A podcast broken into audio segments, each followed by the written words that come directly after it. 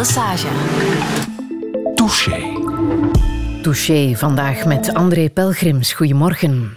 Dag Friedel. Mag ik jou omschrijven of aankondigen als expert in groepsdynamica? Dat lijkt me de meest omvattende term. Bij het woord expert bij het woord expert heb ik natuurlijk onmiddellijk een gevoel van, ja, ben ik dan al de expert? Ja.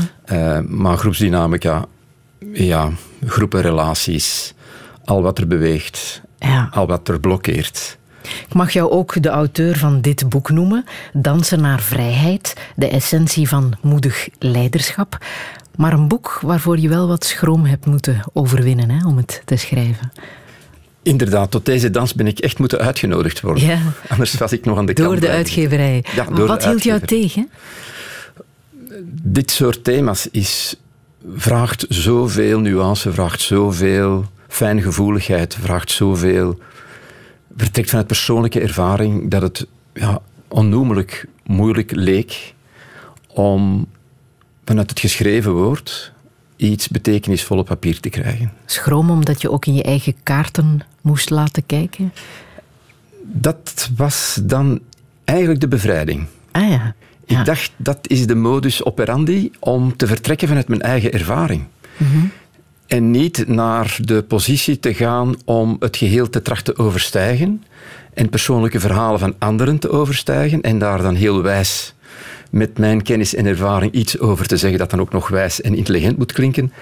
Ik dacht, nee, pelgrims, zoek het aan de start van uw eigen verhaal. En Ja. dat is het ook geworden. Ja, want als expert zou je kunnen zeggen, je bent ook een soort leidinggevende als je een groep probeert te sturen.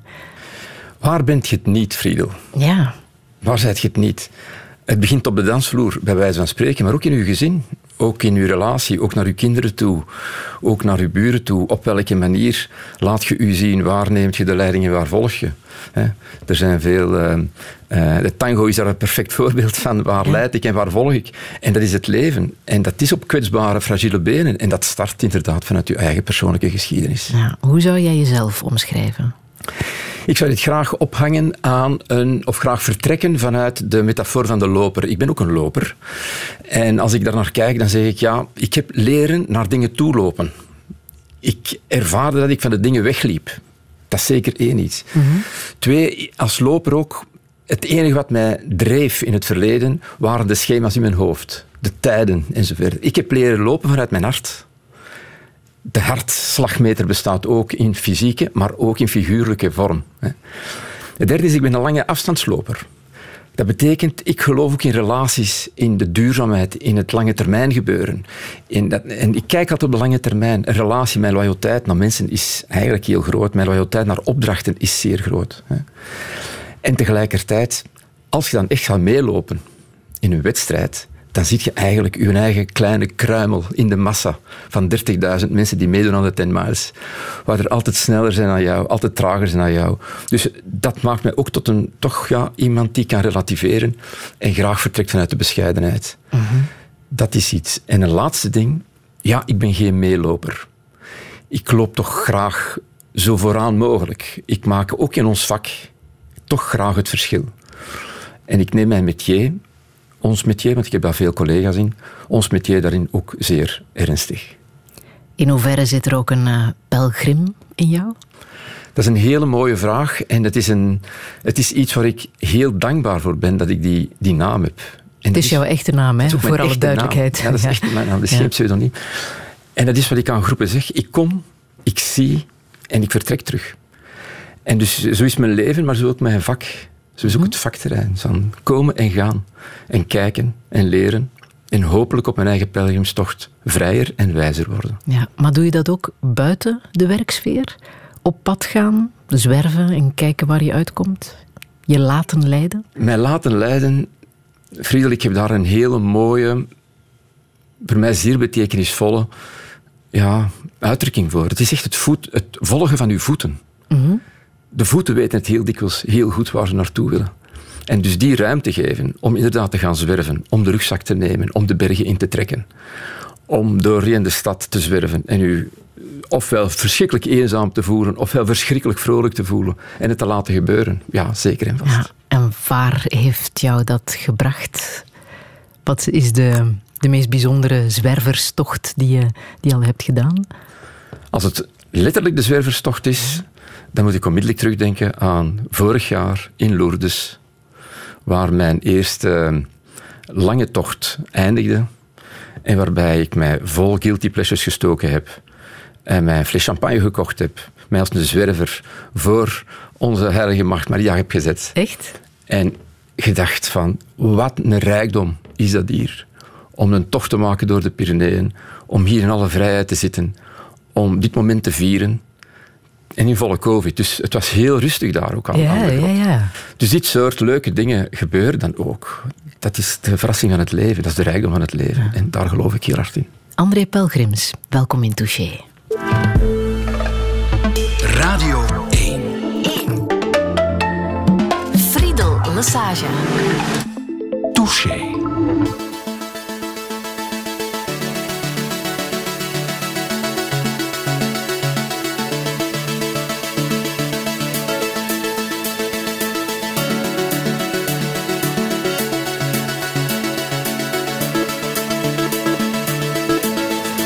Running out of ways to make you see. I want you to stay here beside me.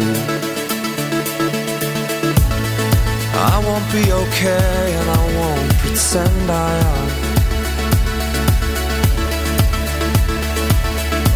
So just tell me today take my hand. Please take my hand. Please take my hand. Please take my hand.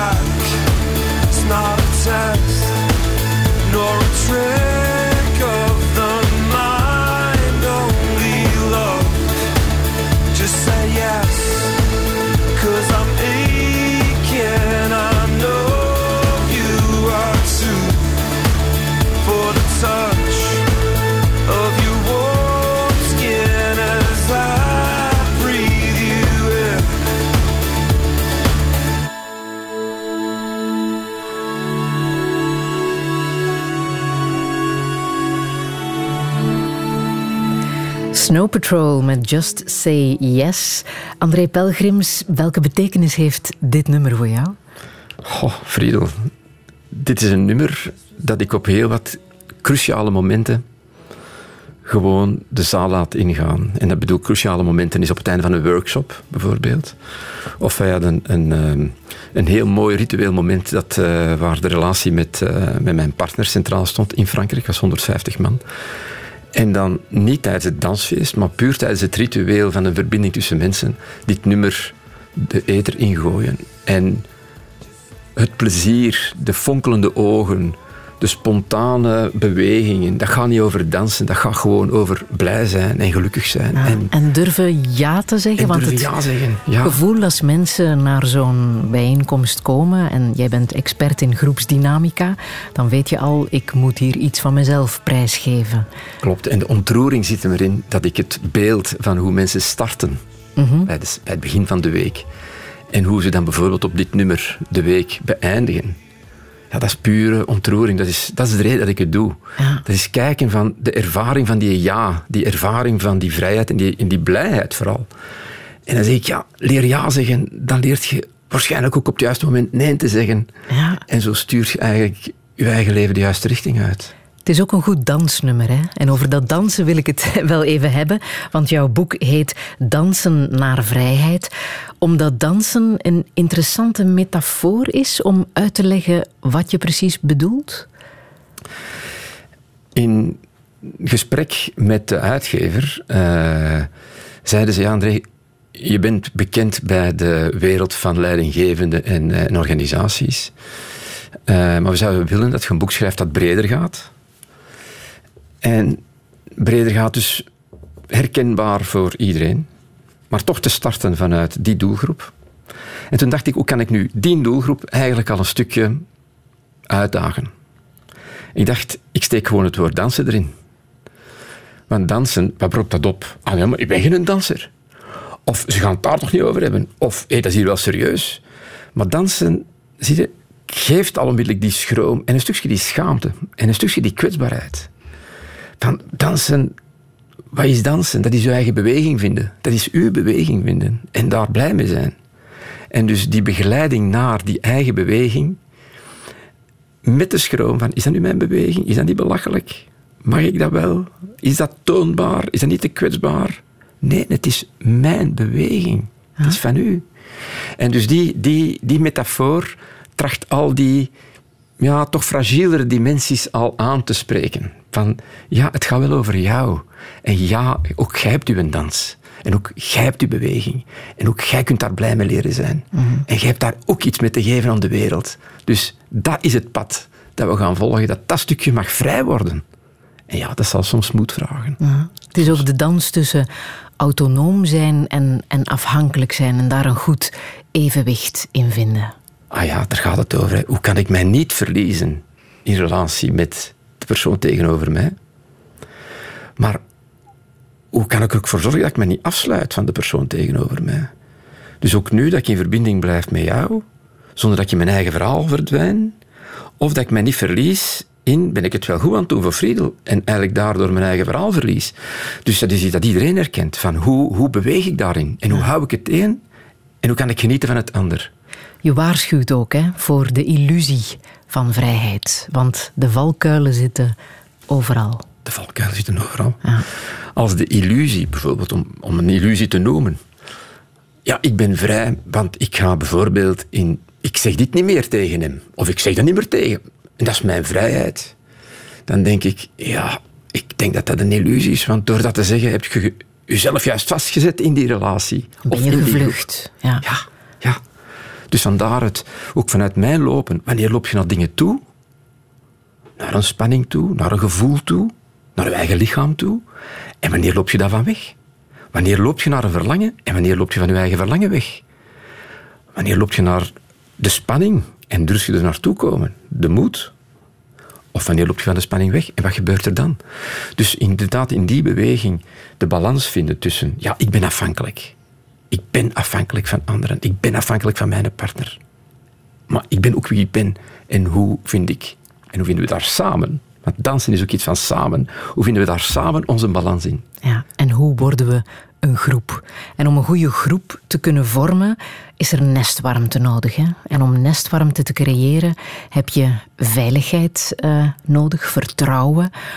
Hoe creëer je dat? Want dat zijn ja, grote termen hè, om mee om te gaan.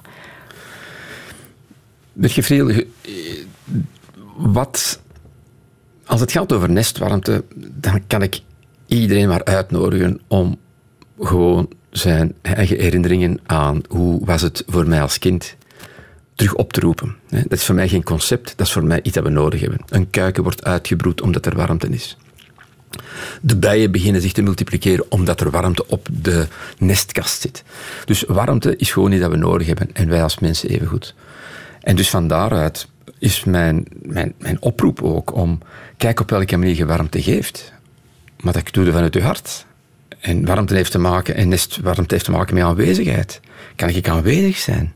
Vind ik vandaag de dag een heel groot probleem. Of zijn we het allemaal aan het regelen met elkaar? Wat is dat aanwezigheid tussen man en vrouw op een vrijdagavond voor elkaar?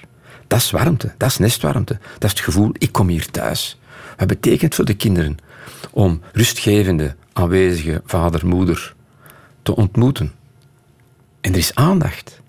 En er is aanwezigheid. Ja, dan is er warmte. Maar dan is er ook liefde. Dan is er ook verbinding. Dus klinkt heel eenvoudig, maar ik zie het zo tanend aan een soort inflatie onderhevig. Mhm. En ik wil eigenlijk terugbrengen, want daar start de groei, daar start het vertrouwen, daar start het vertrouwen in wie ik ben, want ik heb aandacht gekregen. Er was iemand aanwezig voor mij. Je legt uit dat ehm, iedereen wel op een of andere manier een splitsing ondergaat. Mhm. Dat er iets ehm, maakt dat je niet helemaal jezelf voelt, je goed voelt binnen een groep. Wat is dat precies, die, die splitsing? Ook daar sta- start ik bij het kind. hè. En belangrijk is dat we, hoe groot en volwassen, en hoe groot we ook als leider ergens een rol mogen gekregen hebben, dat het verhaal van die splitsingen start als kind. En dat heeft te maken met het volgende. Een kind wil niet uit een nest gegooid worden. Want dan is een kind hulpeloos verloren. Dus een kind voelt aan welk stuk is hier welkom en welk stuk is hier minder welkom. Dat maakt geen analyses en dan moet dat niet van een therapeut gaan. Een kind heeft die gevoeligheid. En als de creatieve losbol de bestraffing krijgt, dat hij het in huis alleen maar onrustig maakt, dan zal hij heel snel oppikken dat dat stuk liefst ergens achteraan in de kast wordt gelegd en niet te veel op de voorgrond komt. Maar het kan evengoed zijn met een kind dat heel emotioneel om eh, beweegt, heel emotioneel reageert. Is dat stuk welkom of niet? Kunnen de ouders daar iets mee doen of kunnen ze daar niks mee doen? Dus eigenlijk vanuit de grote afhankelijkheid, want dat is wat een kind niet heeft. Een kind heeft die autonomie niet. Het kind heeft enkel die afhankelijkheid. Zet het ook alles in op die afhankelijkheid. En voelt het haarfijn aan. Dit wel en dit niet. En dan ontstaat stilletjes de splitsing. Ik mag mijn emoties niet laten zien. En in de mate bijvoorbeeld dat dat bevestigd wordt door je in het leven, is dat zo. Of de waarheid mag hier niet gezegd worden. Ah, waarheid speelt hier geen rol. Ja, wat dan wel? Ja, hypocrisie dan wel. Hoe is het met u, Friedel? Ja, het is goed met mij. Weet je, we kennen het allemaal. Dus ik vraag ook via de tocht naar vrijheid om dat voor uzelf te onderzoeken. En dat is een stukje waar ik mensen in wil meenemen in het boek, maar ook in het werk dat we doen.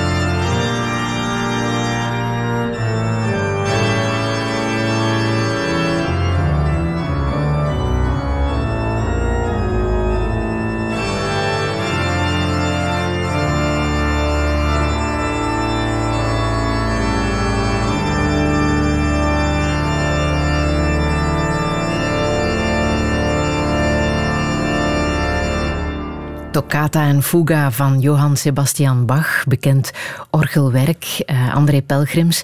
Aan wie of wat doet jou dit denken?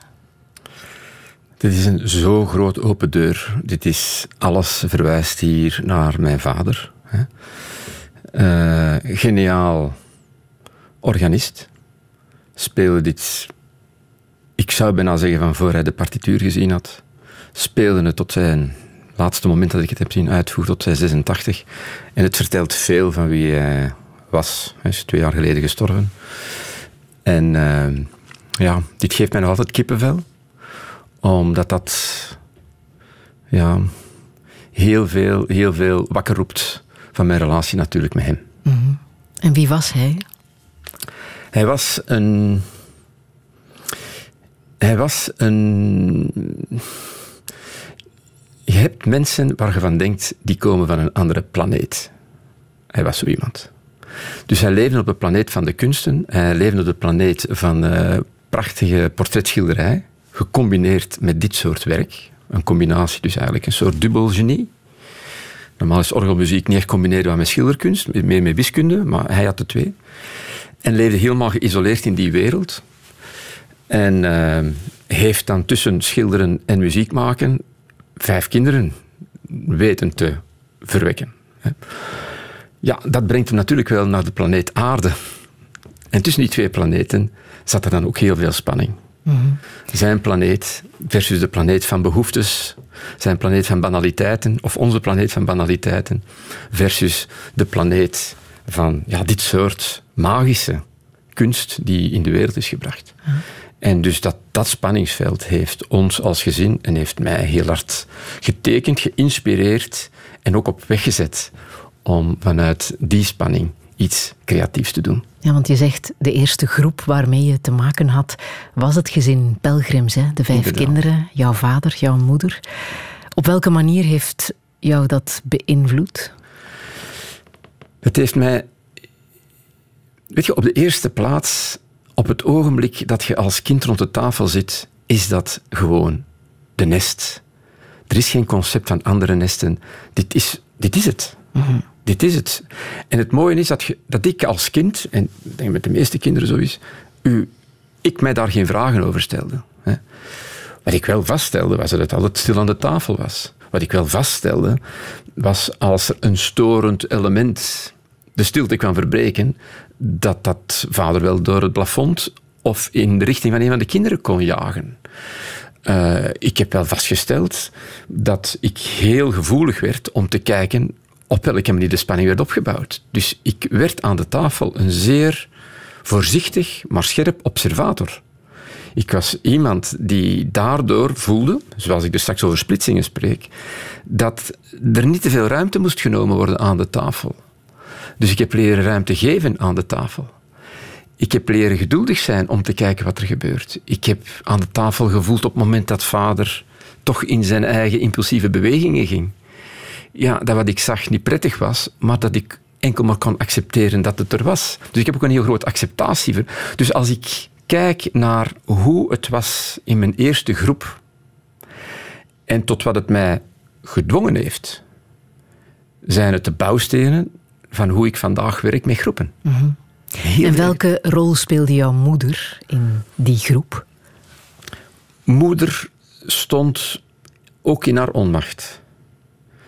Moeder stond ook in een ongelooflijke zorghouding om en te zorgen dat vader op zijn planeet niet te veel verstoord werd.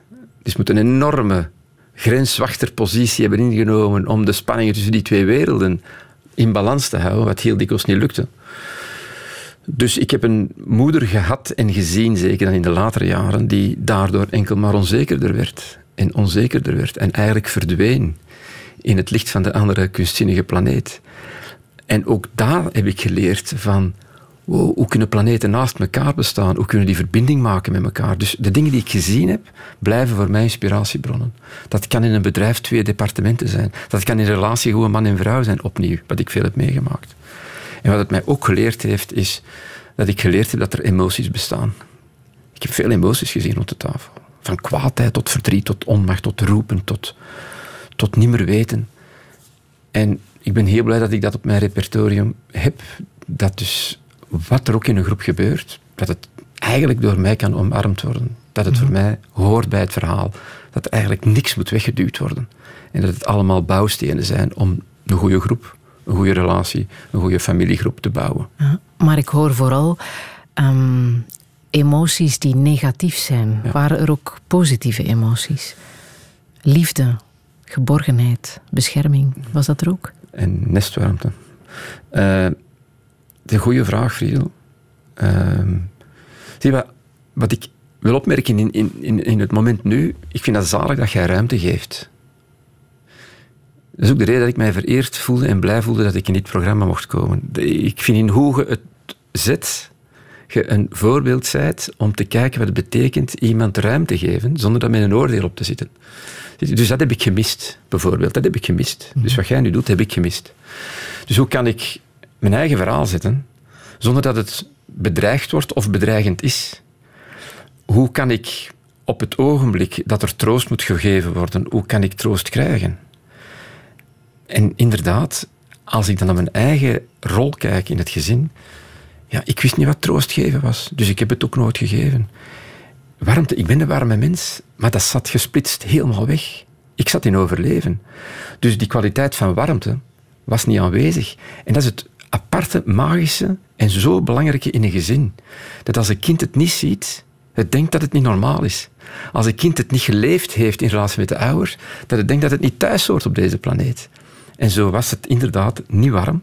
Mhm. Het, was niet, het was heel zorgend vanuit de moeder, maar zeker niet liefdevol. Het was niet aanwezig. Het was heel veroordelend. Het was heel scherp. Dus inderdaad, ik heb die gevoelens moeten gaan opzoeken later. Mhm. En jouw vier zussen, kon je het daarover hebben met hen? Wel, ook daar. Hè. Dus wij kopiëren, uiteindelijk kopieert een kind wat het ziet. En achteraf gezien, want je ziet dat achteraf, in het kleine, kan het wat extreem zeggen, totalitaire kleine regime waar we zaten, uh, was het eigenlijk een stukje ieder voor zich. En niet dat we dat wensten als we er achteraf op terugkijken, maar het was zo. Dus mijn zorg naar hoe groepen geleid worden, hoe mensen vanuit afhankelijkheid ook niet enkel iets splitsen in zichzelf, maar ook gesplitst geraken tussen elkaar. Ja, dat heb ik wel allemaal in die microcosmos moeten ervaren en achteraf moeten op terugkijken. En je zegt van, wow, ik heb het eigenlijk helemaal niet zo goed gedaan, want ik was ook niet troostend en ik was ook niet warm. En ik heb ook het, de pijn en het lijden van zussen gezien. En ik was er ook niet voor hen. Zie je? Dus op dat punt is het, het ontbreken ervan, maakt dat je het zelf eigenlijk ook niet tot ontwikkeling en zeker niet in beweging krijgt. Heb je dat kunnen herstellen later? Voor mij is het, om daar heel open, dat is een heel kwetsbaar thema, is het boek voor mij het punt geweest waar ik een stuk heling voor mezelf heb kunnen voelen in het beschrijven van de situatie, in het kijken naar de situatie, in het betekenisvol maken van de situatie, in, zoals ik ook in het boek zeg, in de slachtofferpositie leren we niks. Wanneer het slachtoffer inzicht krijgt in hoe het slachtoffer geworden is, wordt het betekenisvol, wordt het inspirerend. Is voor mij het boek het punt waar ik het dichtst kom bij heb ik het terug bij elkaar gekregen. Dus dat is nog een hele weg te gaan. Mm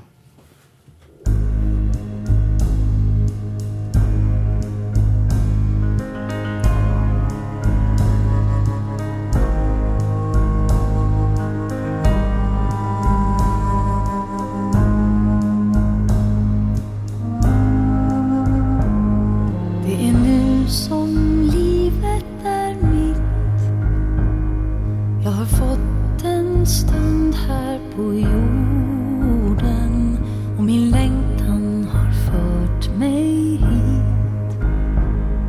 Det jag saknat och det jag fått. Det är ändå vägen jag valt. Min förtröstan långt bortom orden som har visat liten bit av den himmel jag aldrig nått. Jag vill känna att jag lever all den tid jag har. Ska jag leva som jag vill?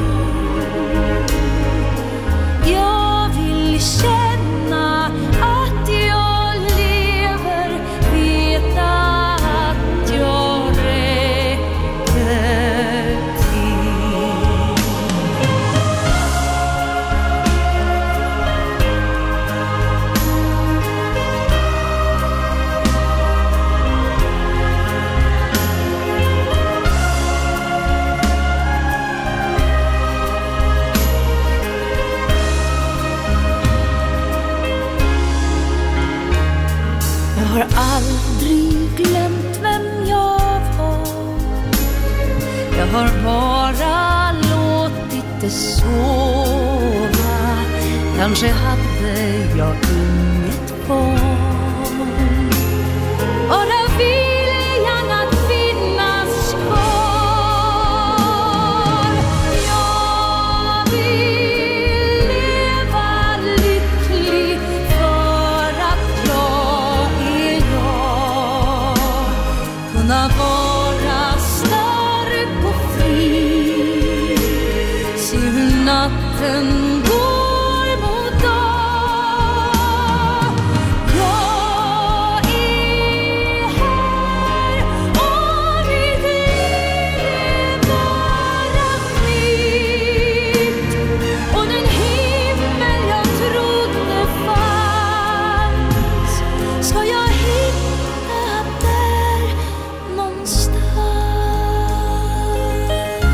Gabriella's Song van Helen Sjöholm. Het is het eh, hoogtepunt uit de Zweedse film As It Is in Heaven van Kay Pollack. Een film uit 2004.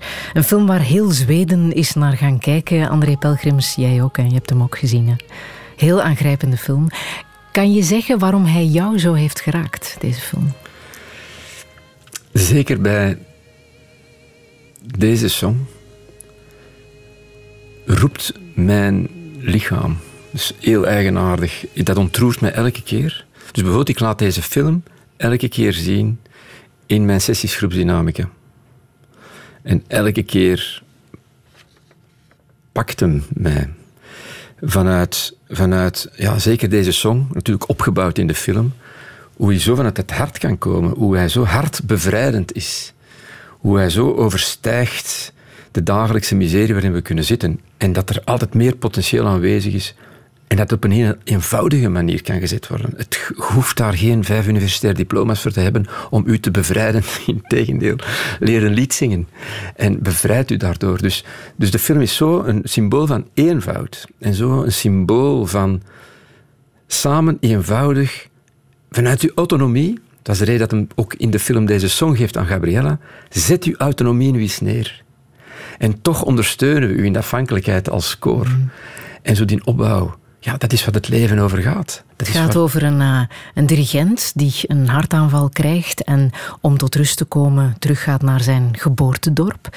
Hij is een heel bekend, beroemd, eh, befaamd dirigent, maar in het geboortedorp moet hij bij wijze van spreken terug van nul beginnen. En daar komt hij in contact met het lokale koor. Niveau niet te vergelijken met wat hij gewoon is, professioneel gezien, maar toch gaat hij dat aan. Hè? Die, die uitdaging gaat hij aan en probeert hij die mensen te laten samenzingen. En zijn eerste les is luisteren. Begin met te luisteren. De meest juiste les die je kan geven als je een groep wilt samenbrengen. Ja, ja, ook zo. En dan zie je ook die groepsdynamica werken, want iedereen heeft zijn eigen verhaal, iedereen heeft zijn eigen temperament. Maar hij heeft ook een rol. Wat is, wat is zijn rol in dat groepsgegeven? Zijn rol, en de reden dat ik de film zo sterk vind, is dat ik hem nou eens aanraad bij vrienden of kinderen. Van als je wilt begrijpen wat ik doe op alle momenten dat ik weg ben, misschien geeft die film een beeld of een aanvoelen van waar het eigenlijk over gaat. Dus wat is zijn rol? Is exact alles waar we het al over gehad hebben. Hij laat het zijn. Hij laat wat er is bestaan. Hij laat wat wringt, waardoor de harmonie verloren gaat, laat hij naar boven komen. Dus hij duwt niks weg, hij splitst niks af. En niet door daar zwaar therapeutisch op in te gaan, maar gewoon door het te laten ontstaan. En ook vooral, en dat is ook een heel belangrijk thema in het boek, ook het lichaam erbij te betrekken. Ook het lichaam actief te laten zijn, ook het actief te laten dansen, ook het actief te laten lachen. Uh, het lichaam, daar zit ons leven in. Hij En- laat ook zijn eigen probleem gaat hij ook niet uit de weg, hè? Want hij is natuurlijk ook niet perfect als zogenaamde leidinggevende, als we hem even die, Ja. die term eh, mogen geven. Hij heeft ook een probleem, hè? Of vanuit wat, hij als, wat zijn probleem is, en dat is bij iedereen zo. Uiteindelijk heb ik mijn probleem om de groep te blokkeren, of heeft mijn probleem betekenis gekregen, waardoor het een groep kan deblokkeren. En natuurlijk zou ik met kwaadheid, en heb ik bij mijn vader gezien, dat kwaadheid en irritatie en frustratie de hele groep platlegt. Maar met enig inzicht in waar mijn kwaadheid vandaan komt en met enig bewustzijn dat ik vandaar het een boodschap wil geven aan mijn groep. Want frustratie bestaat en kwaadheid is van deze wereld. Maar hoe breng ik dat? Dat een groep ook stil kan worden zonder in een angst te gaan en mogelijk ook dingen bij zichzelf herkent. En het is natuurlijk ook omdat hij daar vrij in is, dat dat ook op zich al een uitnodiging is om ook zelf vrij te worden. Dus de vrijheid van de begeleider, de vrijheid van hem als, als, als dirigent van het koor, om ook zijn emotie te laten zien, waar hem ook zijn onmacht in laat zien, hij wordt daar dan ook in getroost. Dus is, maakt hem ook als mens. Zet, haalt hem van zijn piedestal en maakt hem als mens en dat nodigt ook uit. En dat Hij heeft ook moeite om van mensen te houden. Ja. Ja, zijn hart was bijvoorbeeld heel hard afgesloten. Ja. Dat is ook zo. Maar dan voelt je, dat is mooi bij kunstenaars, dat ze een ander kanaal zoeken om die hartsverbinding te maken. Ook al had hij last en heeft hij last om, om van mensen te houden, wat hij door de muziek bracht, wat hij door zijn boodschap bracht, heeft hij zoveel liefde opgewekt, dat het uiteindelijk aanleiding geeft tot een zeer ontroerend einde. Het eh, verhaal speelt zich af in een dorp waar het geloof ook voor een behoorlijk schisma zorgt tussen, tussen de mensen. Zonde bestaat niet. Zonde is een uitvinding van de kerk, wordt gezegd, waardoor mensen ook duidelijk geblokkeerd zijn eh, om, ja, zogezegd met hun zonde om te gaan. Maar in hoeverre is de kerk bij jou een, eh, een hindernis geweest in het leven? Opnieuw, zoals in het gezin, ben ik een hele trouwe kerkganger geweest, omdat zeker vader was organist. Ik volgde hem bij de ochtendmissen en als er iets speciaal op het orgel gebeurde, was ik ook wel in de buurt van de kerk. Dus voor mij was het een, een stuk van mijn systeem, waar ik geen vragen bij stelde. Het is pas als ik uit het gezin stap en uit de systemen stap en natuurlijk in mijn vakterrein terechtkom en kijk naar de mens in het systeem en hoe de mens het systeem gebruikt en hoe de mens ook het systeem misbruikt, dan heb ik wel wat vragen gehad, niet enkel bij de kerk, maar bij heel veel gezagsdragers, bij heel veel mensen die maatschappelijk relevant, invloedrijk werk zouden kunnen doen. En ben ik natuurlijk vanuit mijn vak meer gaan kijken van wie is die gezagsdrager? Wie is diegene die de kerk laat leeglopen? Of wie is diegene die de kerk weet te vullen? Dus zonder de kerk daarin te focussen, ben ik wel gaan kijken naar wie is die man of die vrouw achter die rol en wat zie ik gebeuren daar rond? En dat is uiteindelijk ook datgene waar ik mijn vak van gemaakt heb. Ja. Je was ook lid van de universitaire parochie als eh, student. Je hebt menswetenschappen gestudeerd. Hoeveel zat daarin van een ja, manier om jouw probleem op te lossen? Waarom wou je daartoe behoren, tot die universitaire parochie? Mijn zoeken is eigenlijk altijd een zoeken geweest naar nestwarmte. En voor mij was het iets concreet. De universitaire parochie, ja, dat klonk vrij bekend. Het is een parochie, ja, dat ken ik. Universitair, daar was ik. Dus de twee in combinatie met elkaar roept nieuwsgierigheid op. En het mooie was dat ik daar mensen ontmoet, van dan op dat moment mijn leeftijd, een stukje geïnspireerd door hetzelfde, die aan die gingen lopen van het woord universitaire parochie. En dus als het gaat over waarde, betekenis geven en elkaar vinden, eh, eerste ervaringen in persoonlijke ontwikkeling, namelijk iets leren uitspreken naar elkaar toe, was eigenlijk heel mooi om daar dan toch op die manier mijn kruimelpad richting mijn eigen oriëntatie te vinden. Dus ik ben hen eigenlijk heel dankbaar dat dat soort organisaties bestaat. En ik denk altijd, wie binnenzwemt, binnenvaart, hoort daar op een of andere manier thuis of zoekt daar iets. Maar toch ging je regelmatig buiten de groep staan, letterlijk. Ja. Als de groep Ja. binnen was, dan ging jij wel eens, zelfs al was het heel erg koud, buiten kijken. Ja, ja. ja dat is een, eh, hier komen we ook bij de. Bij, ja, de. Dus verlangen en angst horen heel hard samen. Eh, en het verlangen om erbij te horen, creëert ook de angst dat je er eigenlijk niet bij hoort. En kijkt naar je eigen diepste verlangen. En kijk hoeveel angst dat daar rond zit. Ja, ik heb dat, zonder dat ik dat op dat moment zo scherp zag, was iets wat mij wel rare dingen deed doen. Dus in plaats van het verlangen te leven en bij de groep te gaan, ja, had ik wel af en toe wel de neiging om te zeggen, hoor ik hier echt wel thuis? En dat is inderdaad zo. Dan ging ik eruit en dan ging ik in de buurt kijken.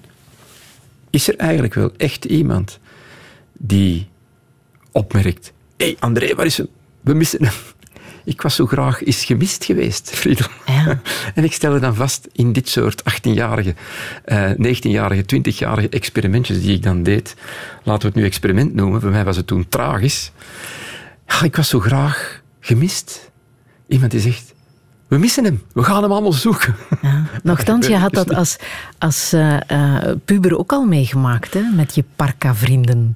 Ah ja, ja, ja, dat is hetzelfde. Hè. Dus eigenlijk het thema van zoeken naar nestwarmte, zoeken waar hoor ik nu eigenlijk thuis.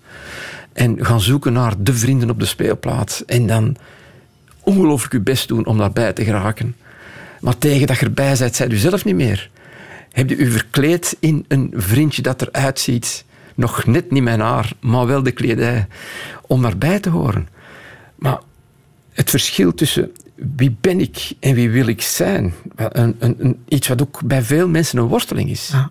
Is het voldoende wat ik ben? En kan ik dan wachten op de vrienden die komen? Of wil ik iets anders zijn? En dat heb ik inderdaad ook als 15-jarige op, de, op, op het college, op de speelplaats. Ik wist onmiddellijk waar ik wilde bijhoren. Maar je moet het maar in het boek lezen. Je hebt het al gelezen. Ik heb daar heel veel, heel veel engagement tegenover gezet. En het is niet gelukt. En dat is het tragisch dat ik ook zie in groepen. Mensen doen zo hun best. Opnieuw om zich te splitsen. Opnieuw om dat stuk te laten zien. Dat waarschijnlijk toch wel gaat geven dat je bij de groep blijft te horen. Maar als jij niet zijt, als het niet klopt met wie je bent, dan loopt het vroeg of laat echt op een sisser af.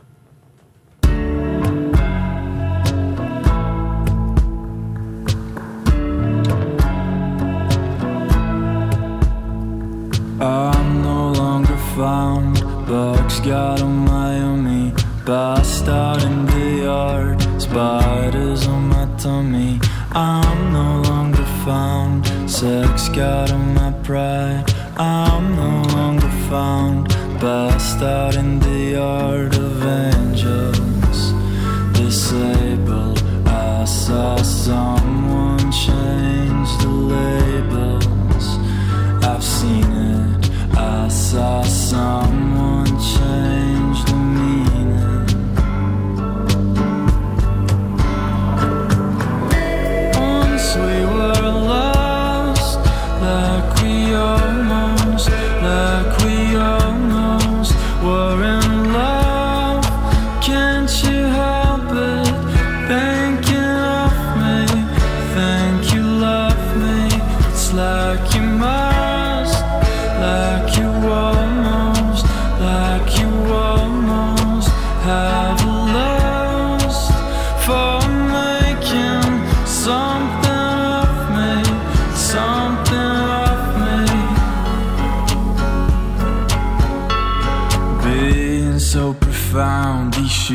got on my boogie.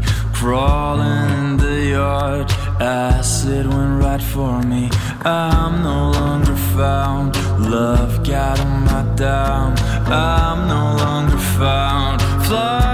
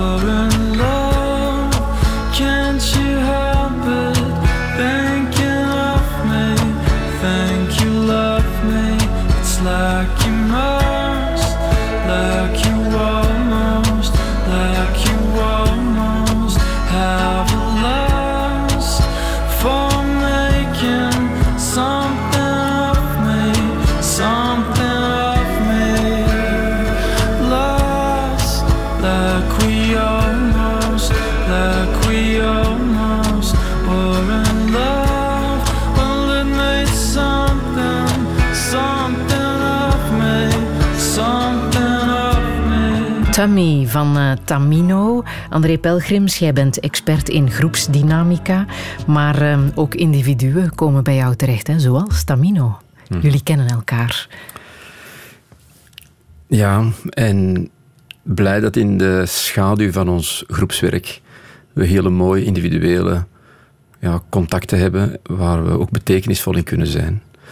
En uh, ja, ook dan ik zou de vader van Tamino kunnen zijn en toch maakt het contact ook met hem mij dan heel bescheiden om te kijken waar hij als 22-jarige staat. Hè. Luister naar het nummer Tummy. Hoe hij daarin tracht te verwoorden hoe ieder van ons een talent heeft gekregen, echt getalenteerd is en daar een relatie mee op te bouwen heeft. Zo schoon, dat, ja, je hebt geen relatie, met, geen relatie met dat talent op te bouwen. En ook daar zitten spanningen op. En keer ik het terug toe? Doe ik er iets mee? Durf ik erin gaan? Durf ik dat succes voelen? Durf ik dat vrijheid geven, dat talent? En dat inzicht als 22-jarige weten te verwoorden, en in muziek, en in sfeer en in woorden. Ja, ik ben heel blij dat ik voor hem iets kan betekenen. Ah, ah. Je hebt hem mee dit inzicht laten ontdekken. Ik wat hij altijd zegt is van ik schrijf songs en heel dikwijls valt de betekenis achteraf. Door te leven, door gesprekken. Uh, ook hoe ermee om te gaan. En dus op dat vlak uh, zijn we, we, hij zowel als ik, maar ook met heel wat andere kunstenaars. Ik had ook mijn vader die van die andere planeet kwam. Van hoe, hoe kunnen we hen op deze planeet rust geven? Hoe kunnen we op deze planeet vertrouwen geven? Hoe kunnen we hen in verbinding brengen met de hele, sorry, shizzle die er rondhangt van pers en aandacht en roddel? En hoe kunnen we hen toch in dat talent verder laten evolueren naar een stukje autonomie, maar wel in verbinding met wat ook deze planeet dikwijls aan ballast mhm. binnenbrengt, zeker voor kunstenaars. Ja. Je hebt zelf heel erg veel gehad aan leergroepen. Wat voor groepen zijn dat dan? Elke groep, en dat betekent ook een relatie, waar je stil van wordt, waar je niet moet aangemaand worden tot luisteren, maar waar je luistert, waar verrijking in zit op het vlak van jouw persoonlijke reflectie, bewustzijn, persoonlijk bewustzijn, of een gevoeligheid die wordt aangesproken door een eerlijke vraag van een vriend of van. Dat zijn voor mij allemaal leergroepen. Nu, de professionele leergroepen zijn dus mensen die samenkomen vanuit die intentie. En voor mijzelf heb ik altijd tot op vandaag heb ik mij blijven voeden in de rol van gewoon groepslid te zijn. Van mij gewoon te laten voeden. En te zijn als een broer in een groep. En te kijken wat ik hierin kan betekenen. En hoe voedend het is. Het is geen agenda. Er zijn gewoon mensen. En er is altijd wel iets dat deelbaar is. Iets wat exploratief naar gekeken kan worden. En waar altijd de verrijking en altijd de eenvoud in die combinatie eigenlijk de voeding geven. En dat zijn voor mij leergroepen. En dat kan ik iedereen aanraden. Van, zoek het in uw vriendschappen. Zoek het misschien wanneer je de kans krijgt professioneel. Maar niet vanuit een probleem. Niet vanuit een therapeutisch oogpunt. Het werkt helend. Het werkt therapeutisch. Het werkt de splitsingen weg. En het is ook een nest waar je kunt thuiskomen. En wie heeft daar geen nood aan?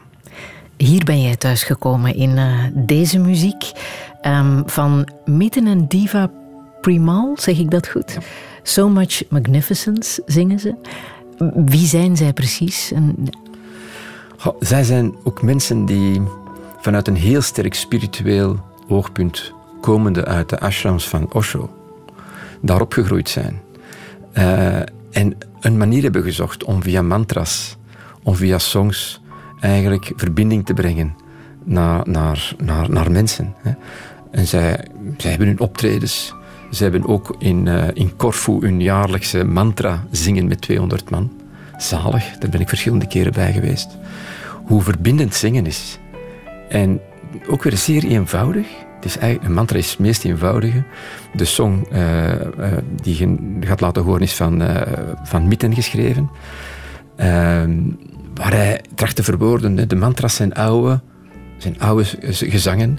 Eh, de, de song van Mitten is een song, zeker de deze, die heel hard raakt, heel eenvoudig ook weer is, maar ook weer die aanmoediging is om de verbinding aan te gaan. Het zijn hele mooie mensen die ja, de wereld rondtrekken. Begrijp je als mensen zeggen: dit is een beetje soft voor mij? Ook daar is te kijken van wat maakt dat dat oordeel ontstaat. Wat maakt dat, dat de capaciteit op dat moment wat beperkter is om te zeggen, laat het maar komen die song. Ik ga zitten en voel wat het met mij doet, zonder angst om misschien iets te voelen. Dat zou ik als antwoord geven en dat is ook waar we rond werken met mensen.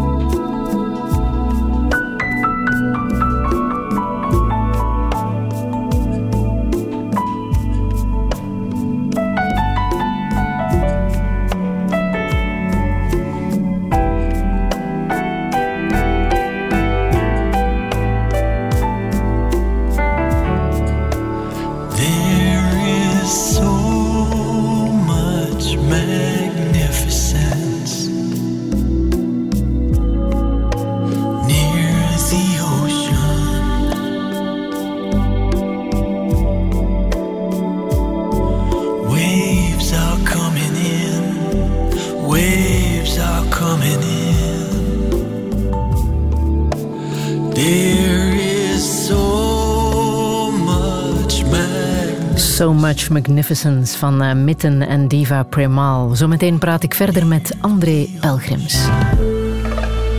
Radio 1. Friedel Lesage. Touché.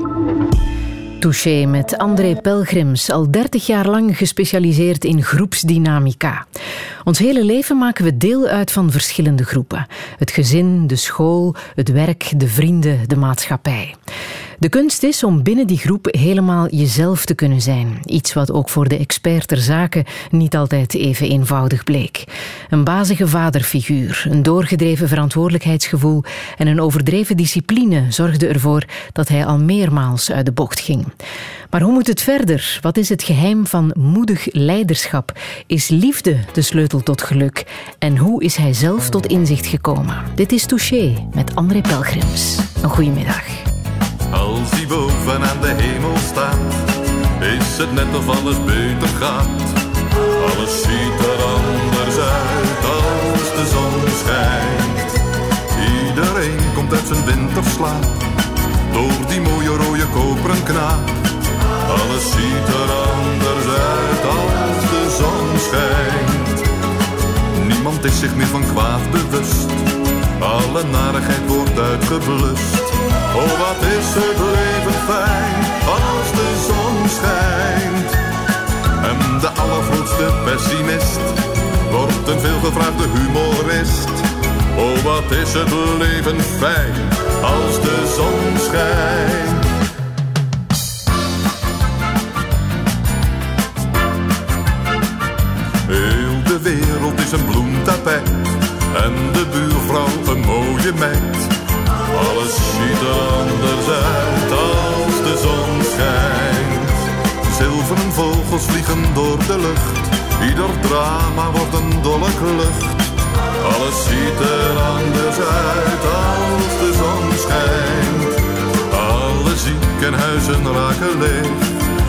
De bakkersvrouw rolt door het deeg. Oh, wat is het leven fijn als de zon schijnt. Ja, de wereld krijgt een nieuwe kleur. Overal hangt zo'n zalig zoete geur. Oh, wat is het leven fijn als de zon schijnt.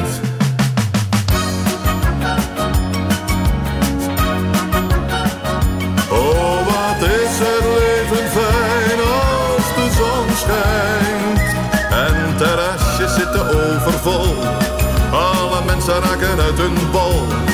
Oh, wat is het leven fijn in de zon. Als de zon er toch niet was geweest, was er nooit een reden voor een feest. Oh, wat is het leven fijn. Als de zon schijnt. Als de zon schijnt. Als de zon schijnt.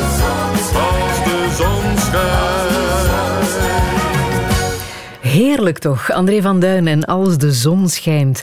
Er moesten meer André van Duintjes zijn op de wereld. um, André Pelgrims, omdat het jouw naamgenoot is of ook omdat het een fantastisch heerlijk nummer is? Ja, ik voel het gewoon ter plekke hoe blijdschap en eenvoud mij ontroert. Ik zit er echt, ja, het is niet eens dat ik het lied hoor natuurlijk, maar het ontroert mij gewoon. Dat, ik hoop ook in de huiskamer dat het blijdschap geeft, dat dat zin heeft om de lichte kant te, te, te bewandelen, ook de lichte kant te leren kennen. Ja, dit nummer geeft het allemaal in één song weer, dus ja, prachtig. Ja, het is ook één zintje in jouw boek, Dansen naar Vrijheid, dat mij enorm is opgevallen, omdat het ja, maar één zinnetje is. Je schrijft: Ik wil het fenomeen groep aanmoedigen als een potentiële bron van geluk, plezier, wijsheid en sereniteit. Want dat is er bijna niet. Hè? Een groep zorgt zo vaak voor problemen. Ja. Terwijl het ook het omgekeerde kan zijn. Eigenlijk dient hem om het omgekeerde te zijn. Mhm. Hoe dikwijls, Friedel, heb ik niet gehoord in mijn begeleidingen. Zeker als ik de partners van de van de mensen tegenkom die ik uh, dan in de organisatie zie, die zeggen, André, dinsdag is echt de slechtste dag van de week. Ik weet dat als hem dan thuis komt, dan moet ik iets, iets doen buitenaf, dan moet ik rust geven in huis. Ik zeg, ja, waarom? Ja, dan is het directievergadering.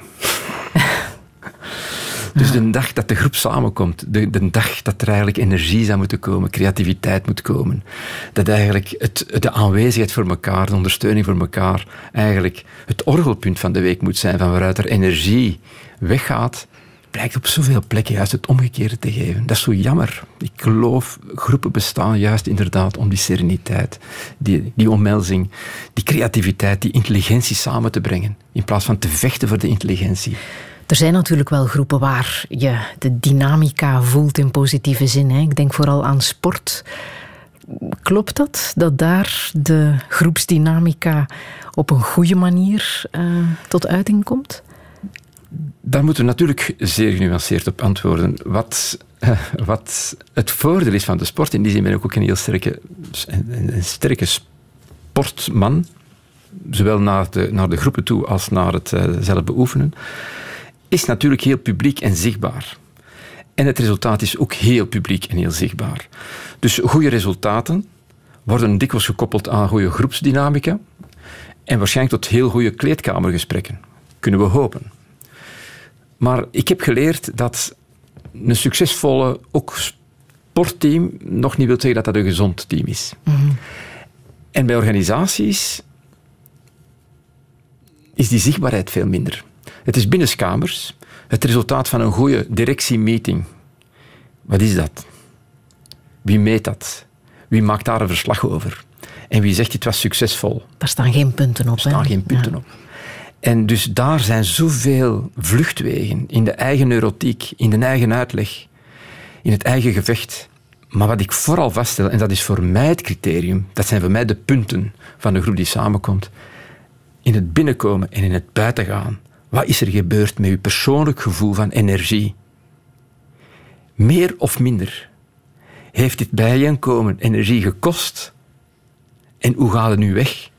Of heeft u energie gegeven en van waar is die dan gekomen? En finaal is dat voor mij wel het, het punten pakken in een groepservaring. Of dat dan nu een uur, twee uur of twee dagen is, is voor mij, wat heeft dat gedaan met mijn energie? En de groep dient niet om mij uit te putten, maar juist om mij te verrijken en te voeden. Maar dat is op heel veel plekken niet het geval. Nu, positivisme is ook niet altijd zaligmakend, hè? want te veel positiviteit doodt ook die kritische stemmen, die ook Tuurlijk. goede feedback kunnen zijn. Tuurlijk. Mensen die mij kennen, en er zijn er wel wat, ik ben geen cheerleader. Helemaal niet. Maar het gaat opnieuw over de dingen die te maken hebben met kunnen wij hier samen een aanwezigheid bouwen? Kunnen wij hier samen een veiligheid bouwen? Kunnen wij hier samen een nestwarmte bouwen? Kunnen wij elkaar ontmoeten in het verschil? Kunnen wij kijken naar de pijn? Of kunnen we ook kijken naar het geluk? Dus wat ik vaststel, en velen met mij, is dat juist waar eerlijkheid en authenticiteit ruimte krijgt, in volle sereniteit, zonder dat er één grap gemaakt is, dat dat een energieboost geeft bij de meesten die in de groep zitten, omdat het, dat is wat we missen. Waar kan ik thuiskomen? Waar voel ik sereniteit? Waar voel ik geen oordeel? Waar moet ik mij niet bewijzen? Waar is wat er is goed genoeg? En waar krijgt dat zelfs een validering? Hé, hey, blij dat je er bent, Friedel. Ah, blij dat je er bent, André. Ah, en waarom? Ah, dit en dat. Dus, dus die connectie maken met elkaar, dat is waar de energie vandaan komt. De plug moet wel in stopcontact om de lamp te doen branden. En dat is exact waar we met mensen zijn. Wij zijn pluggen voor elkaar. Maar die liggen dikwijls gewoon open te stromen naar nergens. Die gaan gewoon de grond in. Die geven niks bij elkaar. Die geven samen geen licht. En dat is zo jammer. Dus het gaat mij niet over positivisme. Ik zal ten andere altijd weigeren om met een groep een fun-activiteit te doen. Echt waar, ik geloof daar niet in. Als ik voel dat een basis niet oké zit. Ja, maar de fun, want we hebben nood aan... Nee, nee, nee, je hebt geen nood aan fun. Je hebt nood aan sereniteit en veiligheid. En dat is wat we gaan doen. En als dat zijn resultaat heeft, dan zal de fun komt dan wel vanzelf. Dat moet niet georchestreerd worden. Je waarschuwt voor een paar um, gevaarlijke, sluipende virussen.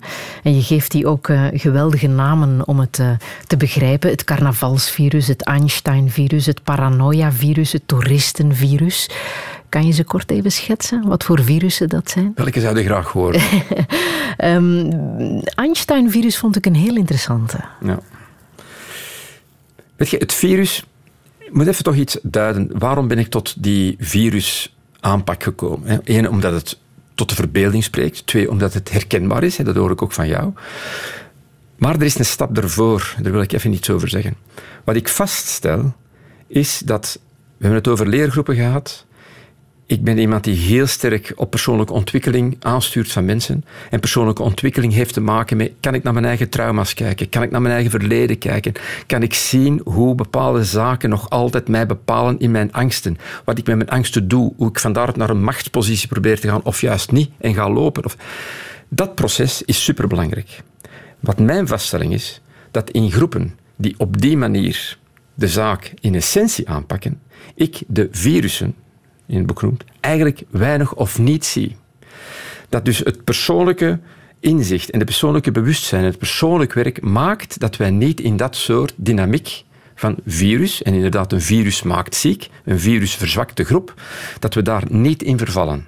Nu, waarom ben ik toch tot dat hoofdstuk gekomen als een belangrijk hoofdstuk? Omdat heel veel functionele groepen, maatschappelijke, politieke, bedrijfsmatige groepen, eigenlijk heel laag staan als je de individuele, individuele mensen bevraagt, wat heb jij op persoonlijke ontwikkeling al gedaan? Waar zit die bewustzijn al bij? Waar zit uw eigen schaduw? Waar zitten er zaken die nog niet oké zitten? Dan krijg je daar heel weinig antwoorden op. De groep moet functioneren, maar dan zeg ik, de groep zal niet functioneren. Er komen virussen in het systeem omdat het lichaam, namelijk de groep, veel te zwak staat. En daar komt er nog eens een druk op van besluitvorming, de druk van buitenaf. Dus dat lichaam moet een marathon lopen, maar is helemaal niet gezond. En dan ontstaan de virussen. En dan krijg ik inderdaad de virussen die ik beschrijf in het boek, om het over Einstein te hebben. Einstein is het virus dat eigenlijk opkomt op het ogenblik dat je het gevoel hebt, hier zijn er te veel in de groep die de slimste willen zijn. Hier, wordt gevochten, er wordt hier commentaar gegeven op elkaar, eigenlijk finaal met één doel. Niet om op een constructieve manier opmerkingen te maken over iets, maar vooral om finaal, eigenlijk voor mezelf, de illusie te hebben dat ik hier toch wel de slimste was. Dat ik hier toch wel de beste vraag heb gesteld. En dat hij er toch geen antwoord op wist. En dat ik eigenlijk zonder het te weten toch maar in een Excel-sheet eigenlijk de fout heb gevonden. Dus het gaat eigenlijk over mijzelf. De virussen gaan altijd over mijzelf. Ik heb ergens een neurotische behoefte om mijzelf zeer sterk neer te zetten, ten koste van de groepsenergie, ten koste van het groepsresultaat. En dus die, dat door, ik noem sorry, ik noem dat een beetje doorflippen in je eigen ego, is wat er dan gebeurt. En negen kans van tien iemand met een Einstein-virus of een groep waar dat virus heel sterk in zit, krijg je heel sterk dat competitieve element en gaat iedereen weg met een heel groot verhaal over zichzelf. Maar het verhaal van de groep is eigenlijk een heel klein, tristig verhaal met heel veel energieverlies. En hoe bestrijd je zo'n virus? Eigenlijk is het een soort ganzenbord waar we op zitten, hè, Friedel. Dus eigenlijk zeg ik terug naar start. dus terug naar het eerste punt. Waar, waar zit je vast voor jezelf in je eigen leven? Wat blokkeert uw, uw, uw vlucht naar uw, naar uw geest, uw vlucht naar uw intelligentie? Want dat is wat je doet met een Einstein-virus. Ik wil toch er weer bovenop. Ik wil daar bovenuit komen. Ik wil het verschil maken op een bijna belachelijke manier. Dan is de vraag, maar wat heb jij gemist? Wat hebben we niet gezien van u? Wat hebben uw ouders niet gezien van u? Waar komt die bewijsdrang zo vandaan? Maar dat vraagt persoonlijk onderzoek. Nu, wat ik vaststel, dat als mensen al te ver in de hiërarchie gevorderd zijn op die manier, zij zoiets hebben, ik ga dat niet meer veranderen. Want ik ben hier geraakt op deze manier. Dus waarom zouden zij op het moment dat het beloond wordt door een promotie, gaan twijfelen aan zichzelf? Dat persoonlijke proces gaan doen. En dan denk ik, ja, je maar één reden om dat te doen. Juist omdat je op deze positie zit. En je moet enkel inzien dat dat Einstein-virus de mensen verschrikkelijk veel energie kost. Dat dat veel creativiteit wegneemt. Dus gaan, en antwoord op jouw vraag, dat is ook wat in het boek staat, leer eens ontdekken wat bescheidenheid is. Leer eens ontdekken wat iets toevoegen is, zonder iets weg te nemen. Leer eens kijken naar wat er is, zonder dat wat er is veroordeeld wordt.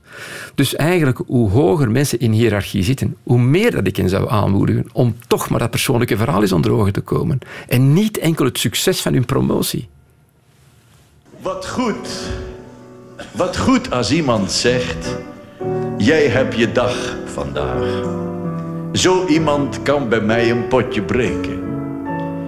Maar een blije of een boze dag, een regen of een roze dag.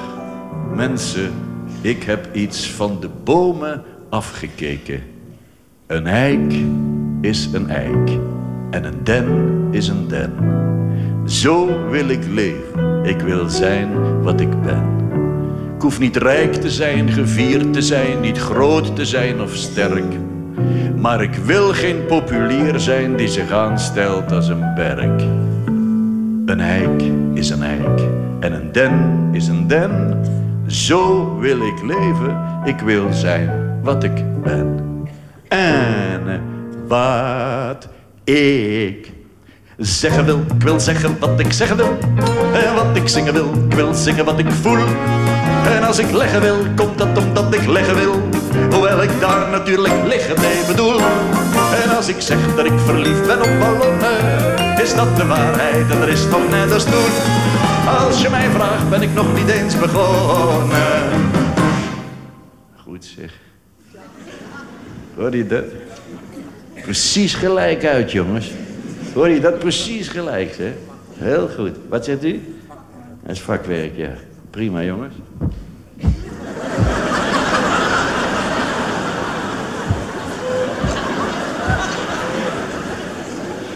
Er is met ballonnen nog ontzettend veel te doen. En als ik zing van het leven, dan weet ik wat ik zing. Want ik heb al zo vaak een doffe dreun gehad. Maar ik werp niet zomaar even de handdoek in de ring. Ook al ga ik soms voor negen tellen plat. Een eik is een eik en een den is een den. Zo wil ik leven, ik wil zijn wat ik ben. Ik hoef niet rijk te zijn, gevierd te zijn, niet groot te zijn of sterk. Maar ik wil geen populier zijn, die zich aanstelt als een berk. Een eik is een eik en een den is een den. Zo wil ik leven,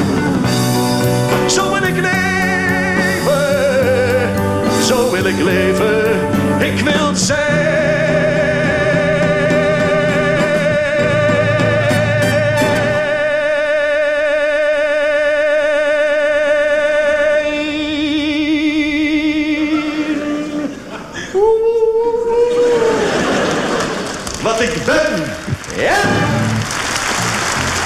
En of hij was wie hij wou zijn. Toon Hermans met een eik is een eik. Heeft iets van de bomen afgekeken. Hè? André Pelgrims en heeft dat heel erg goed gedaan. Wat een boodschap is dit, zeg. Fantastisch. Fantastisch. Het is ook een tekst die jou heel erg nauw aan het hart ligt. Hè? Ja, ja. Een eik is een eik. Een eik is een eik. Ja. En een eik is tevreden. Ik heb nooit een eik geweten. En ik ben een boomplanter. Dat heb ik misschien nog niet verteld. Maar ik heb, eh, waar we een plek hebben in Frankrijk, al meer dan duizend bomen geplant. Die ik nu al tien jaar onderhoud.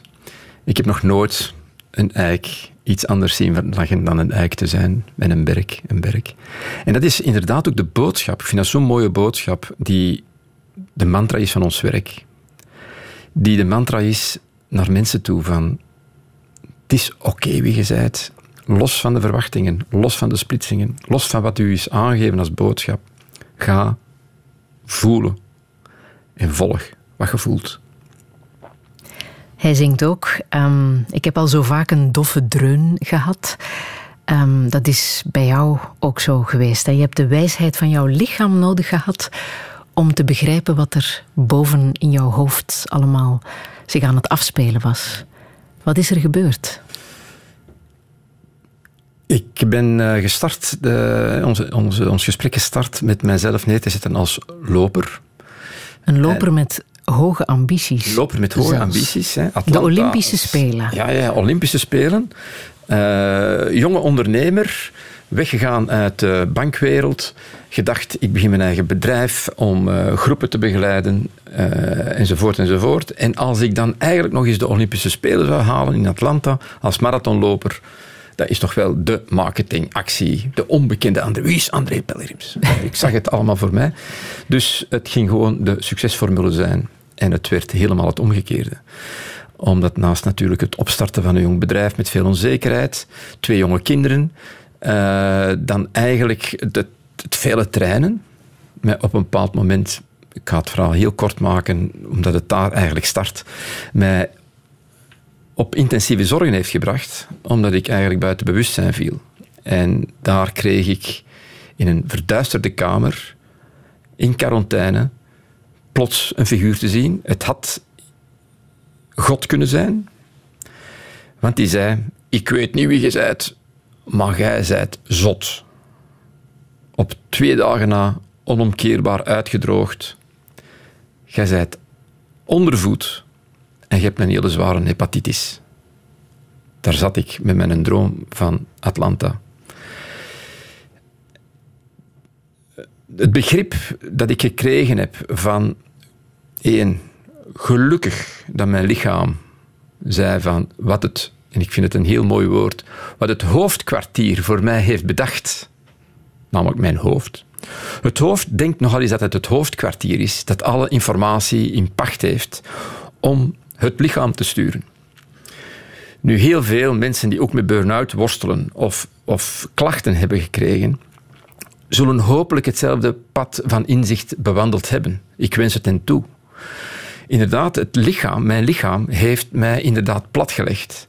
Heeft niet met een stem, niet met een arrogantie vanuit de geest, die nogal eens arrogant is, die nogal eens een oordeel heeft. Die zegt, kom aan, verder doen, verder doen, verder doen. Uh, heeft mijn lichaam op zijn eigen stille kracht gezegd, we moeten die mens helpen daarboven, want die heeft het niet begrepen. We moeten een heel sterk signaal sturen naar die hersenen, naar dat datacenter, want in alle eenvoud en subtiliteit verstaat je dat toch niet. Dus wij moeten iets doen. En dat is er gebeurd. En het heeft bij mij zo mij wakker geschud. Wakker geschud.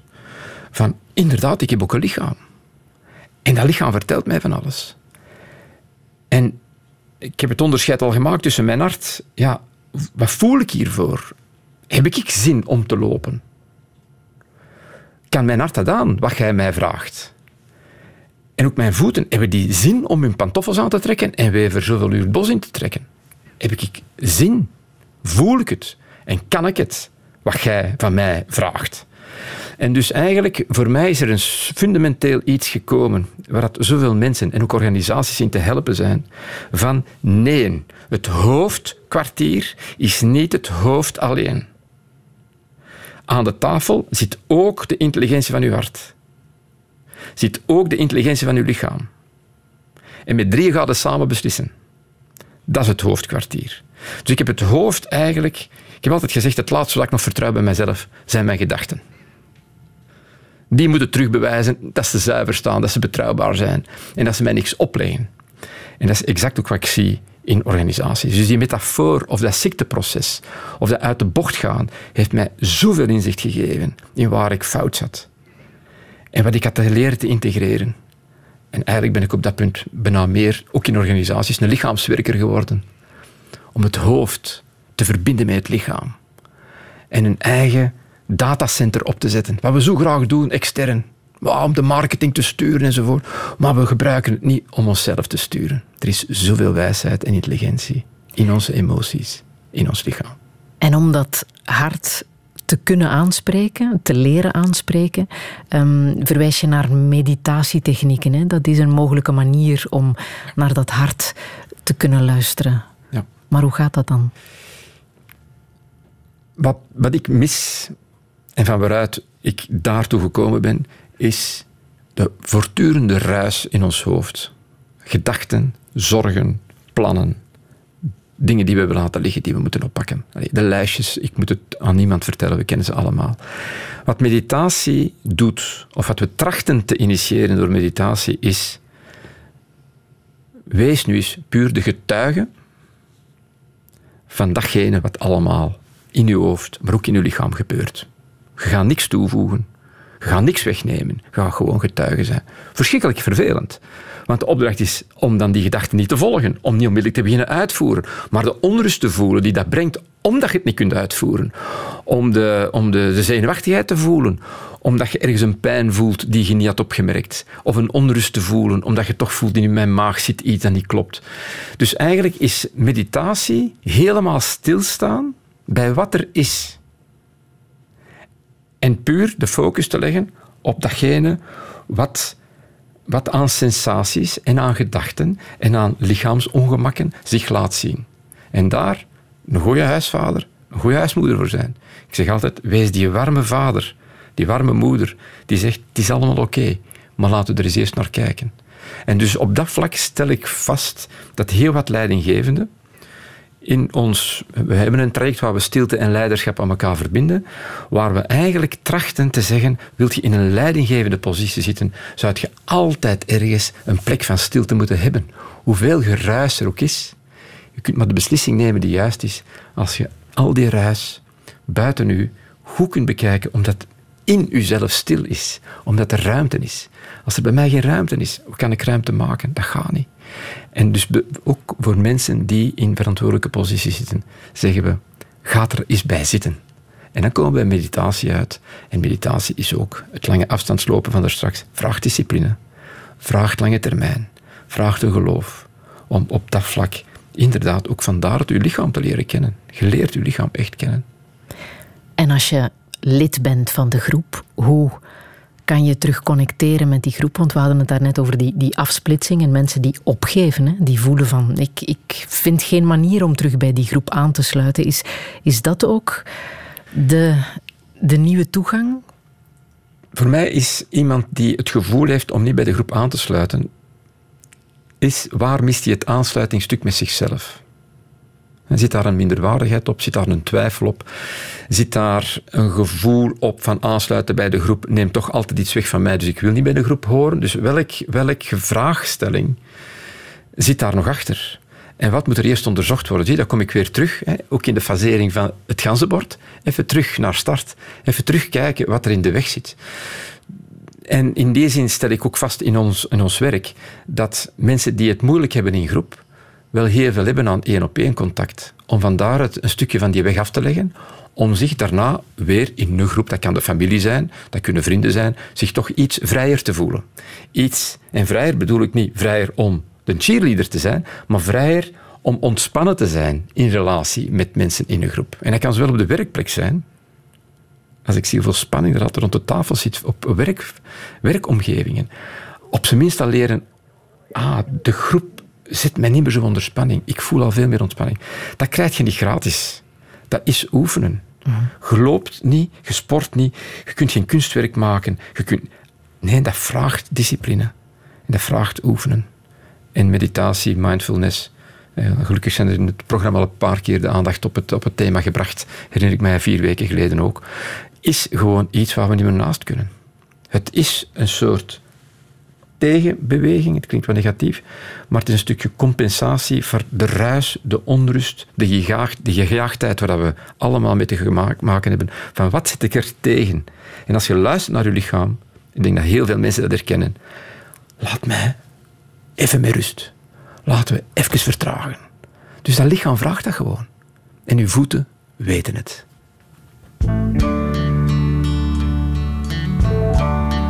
You're sleeping, son, I know, but really this can't wait. I wanted to explain before it gets too late. For your mother and me, love has finally died. This is no happy home, but God knows how I tried.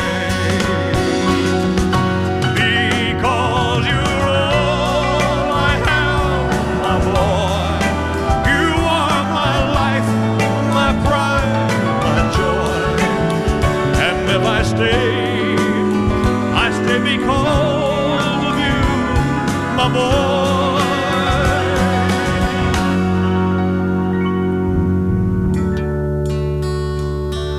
know it's hard to understand.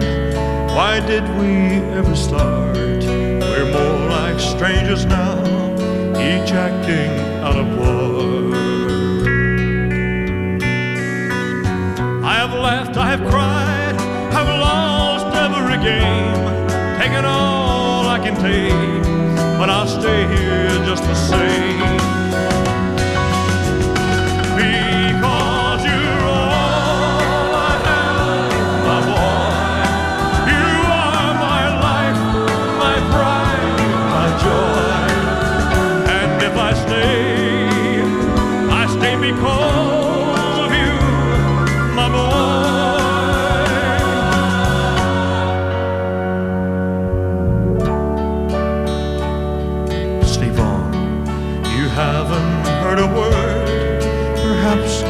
Just as well. Why spoil your little dreams? Why put you through the hell?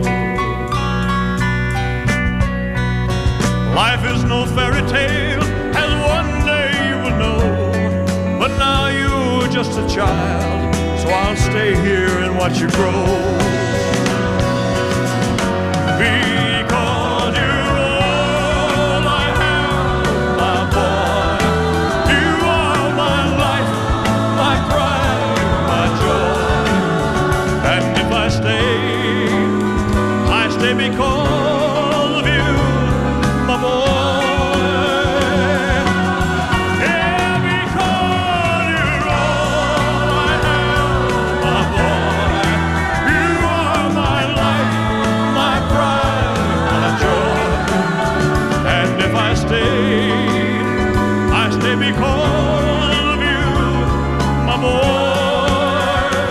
Elvis Presley en My Boy, André Pelgrims. Ik durf te zeggen dat hij vanuit zijn hart zingt. hè.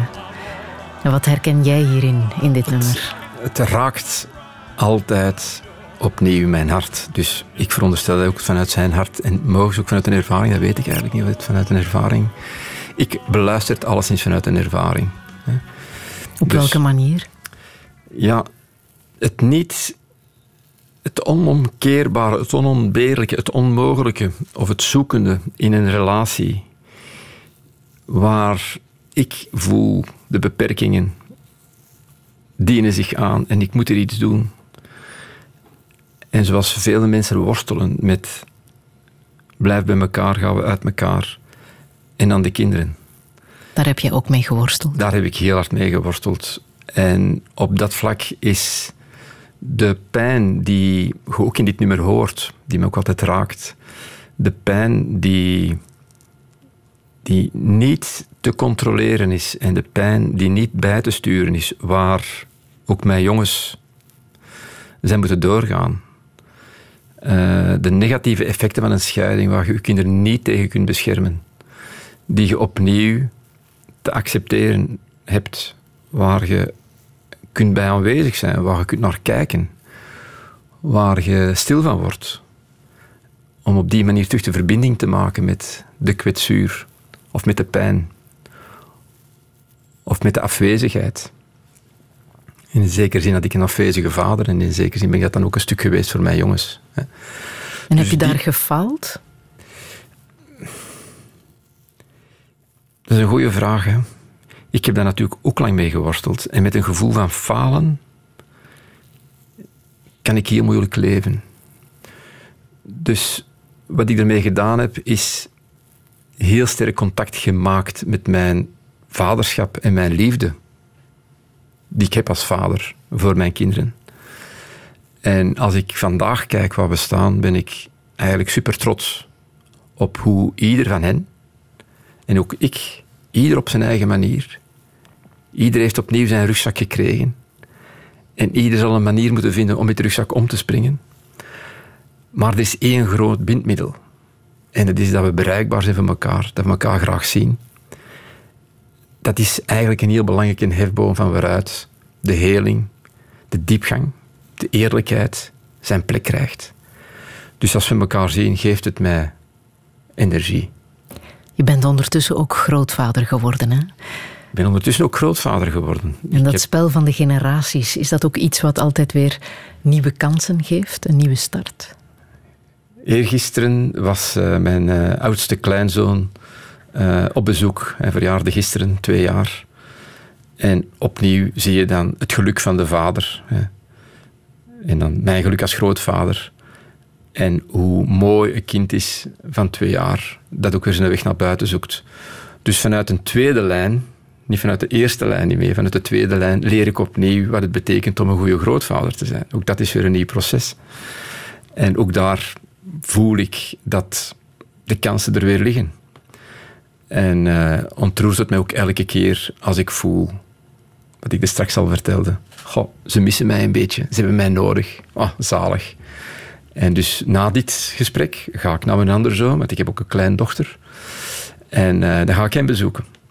Dus wat dat betreft ja, is, blijft een familiesysteem een zalig systeem. Maar blijft het ook werken. Er is een mooi boek geschreven. Liefde is een werkwoord.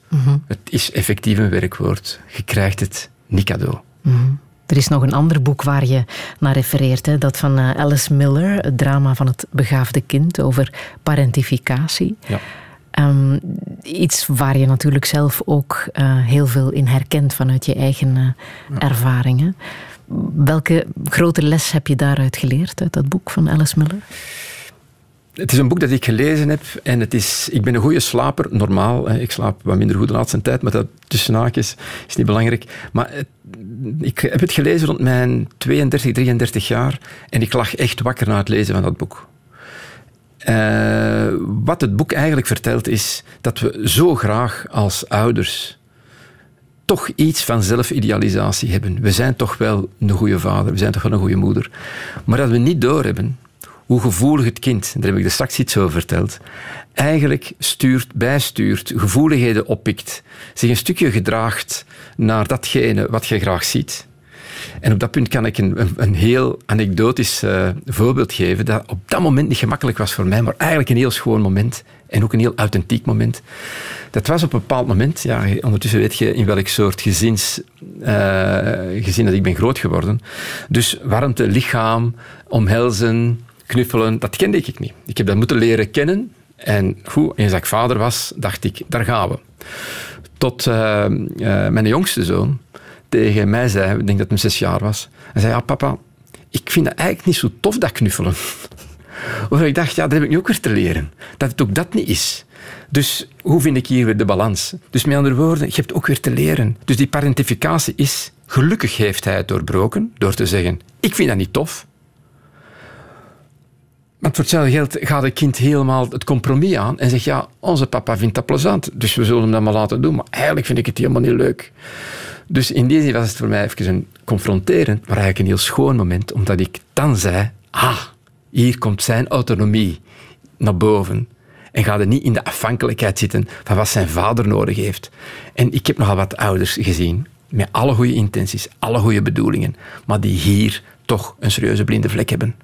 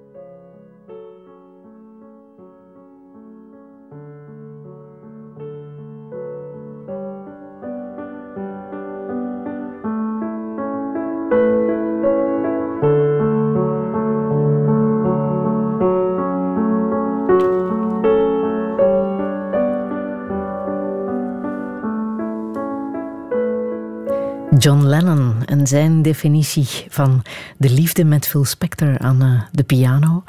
André Pelgrims, wat is volgens jou de definitie van de liefde?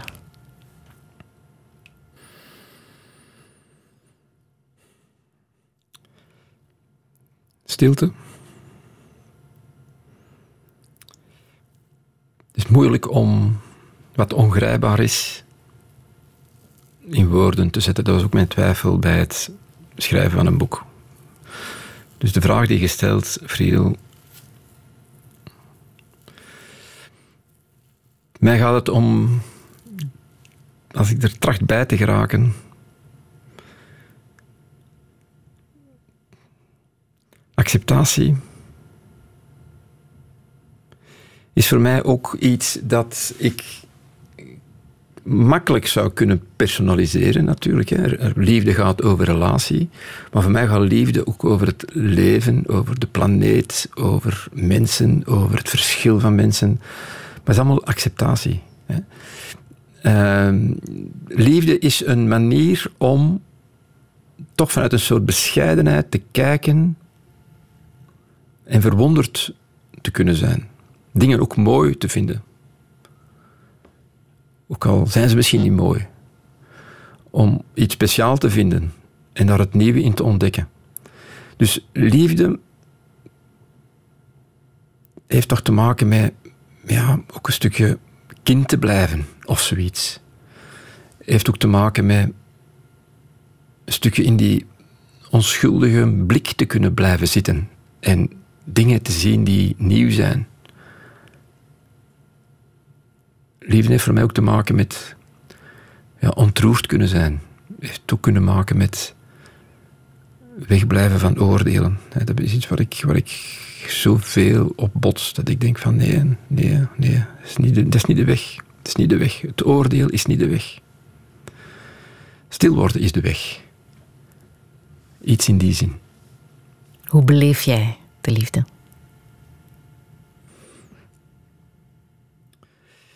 In omarmd te worden, in...